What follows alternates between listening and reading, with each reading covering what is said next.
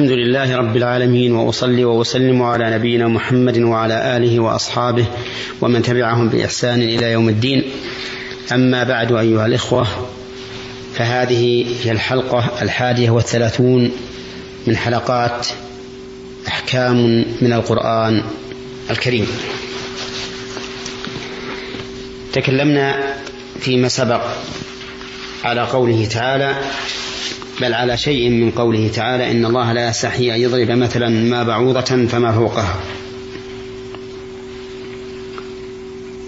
وقلنا إن الله لا يستحي من ذلك لأنه حق.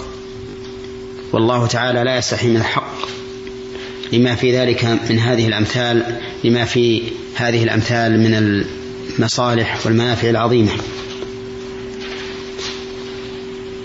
ثم بين الله تعالى في هذه الآية أن الناس انقسموا نحو هذه الأمثال إلى قسمين. فأما الذين آمنوا فيعلمون أنه الحق من ربهم. لما يتضمنه من المص... لما تتضمنه هذه الأمثال من المصالح والمنافع. وأما الذين كفروا فيقولون ماذا أراد الله بهذا مثلا؟ يقولون ذلك استهزاء وسخرية واحتقارا لهذه الأمثال. وبين الله عز وجل أن الله تعالى يضل بهذا المثل من يشاء بل و بل يضل به كثيرا ممن اقتضت حكمته أن يضلوا ويهدي به كثيرا ممن اقتضت حكمته أن يهتدوا.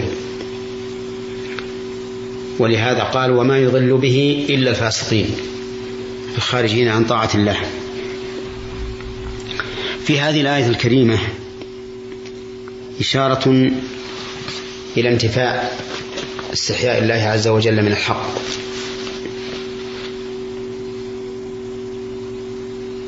وهذا يدل على أن الله عز وجل يستحي من غير الحق.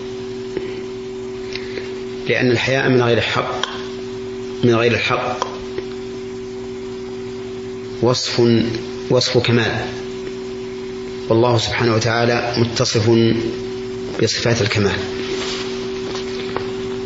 ولهذا جاء ثبوت الحياء لله فيما رواه الإمام أحمد في مسنده عن رسول الله صلى الله عليه وسلم أنه قال إن الله حي كريم. يستحي من عبده إذا رفع إليه يديه أن يردهما صفرا. فالحياء فالحياء هنا ثابت لله في هذا الحديث نطقا صريحا بدلالة المنطوق وفي الآية الكريمة إن الله لا يستحي أن يضرب مثلا ما بعوضة ثابت لله بطريق المفهوم. والحياء كسائر صفات الله. يجب على الإنسان اعتقاد ثبوته لله عز وجل لأن الله أثبته لنفسه وهو سبحانه وتعالى أعلم بنفسه وبغيره. فإذا أخبر عباده بصفة من صفاته وجب عليهم قبول هذه الصفة. ولا يجوز لهم أن يعارضوها بما يظنونه عقلا وهو وهو وهو وهم في الواقع. وذلك لأن كلام الله اجتمع فيه كل الصفات التي تستلزم قبول الخبر فإنه صادر عن تمام العلم وتمام النصح. والبيان وكمال الفصاحة وكمال الصدق. فالكمالات التي تكون في الكلام هي هذه الأربعة هي هذه الأوصاف الأربعة العلم والصدق وحسن الإرادة والقصد والرابع الفصاحة والبيان. أما العلم فلا أحد يشك أو ينكر في أن الله تعالى أعلم بنفسه من غيره. وأما الصدق فكلام الله تعالى أصدق الكلام. وأما الفصاحة فكلام الله تعالى أفصح الكلام ولهذا عجز العرب مع كمال فصاحتهم عن الاتيان بمثله وأما الإرادة فقد قال الله تعالى يريد الله ليبين لكم ويهديكم سنن الذين من قبلكم. وقال تعالى يبين الله لكم أن تضلوا أي لئلا تضلوا والله بكل شيء عليم. فإذا أخبرنا الله تعالى عن صفة من صفاته وجب علينا قبول هذا الخبر واعتقاد مدلوله ولا يجوز لنا أن نحرف معناه إلى ما يخالف ظاهره إلا بدليل من كتاب الله أو سنة رسوله صلى الله عليه وسلم. وهذه هي الجادة التي بنى أهل السنة والجماعة عقيدتهم عليها. ومن فوائد هذه الآية ضرب الأمثال.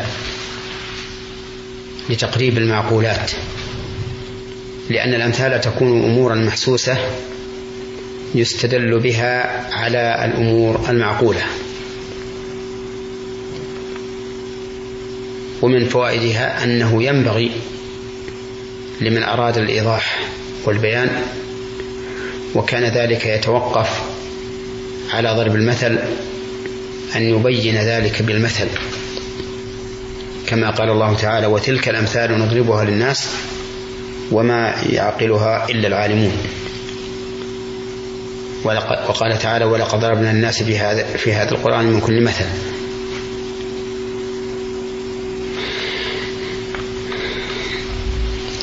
ومن فوائد هذه الآية الكريمة أن الناس ينقسمون فيما ضرب الله من الأمثال إلى قسمين.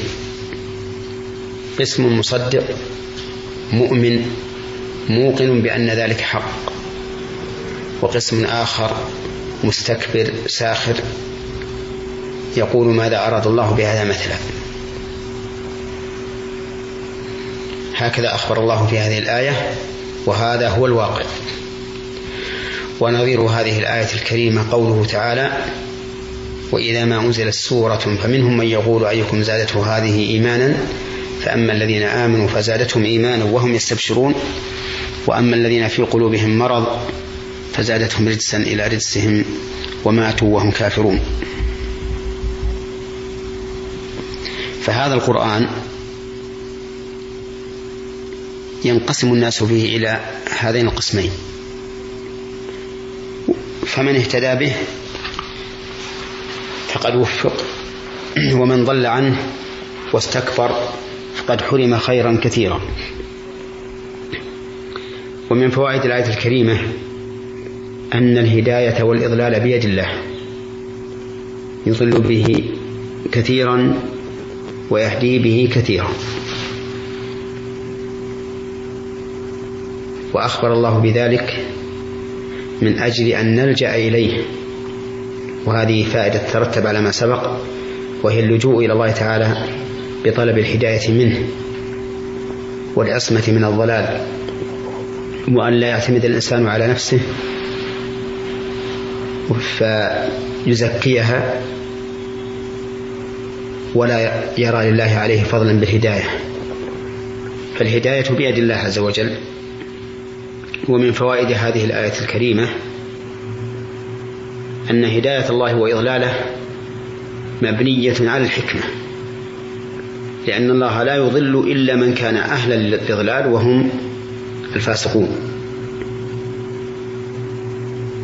ونظير هذا قوله تعالى فلما زاغوا أزاغ الله قلوبهم والله لا يهدي القوم الفاسقين. كمن كان طالبا للخير وسلك الأبواب التي توصله إليه بل وسلك الطرق التي توصل إليه وفق له. ومن فسق وأعرض فلا يلومن إلا نفسه. ربنا لا تزغ قلوبنا بعد إذ هديتنا وهب لنا من لدنك رحمة إنك أنت الوهاب. الحمد لله رب العالمين وأصلي وأسلم على نبينا محمد وعلى آله وأصحابه أجمعين.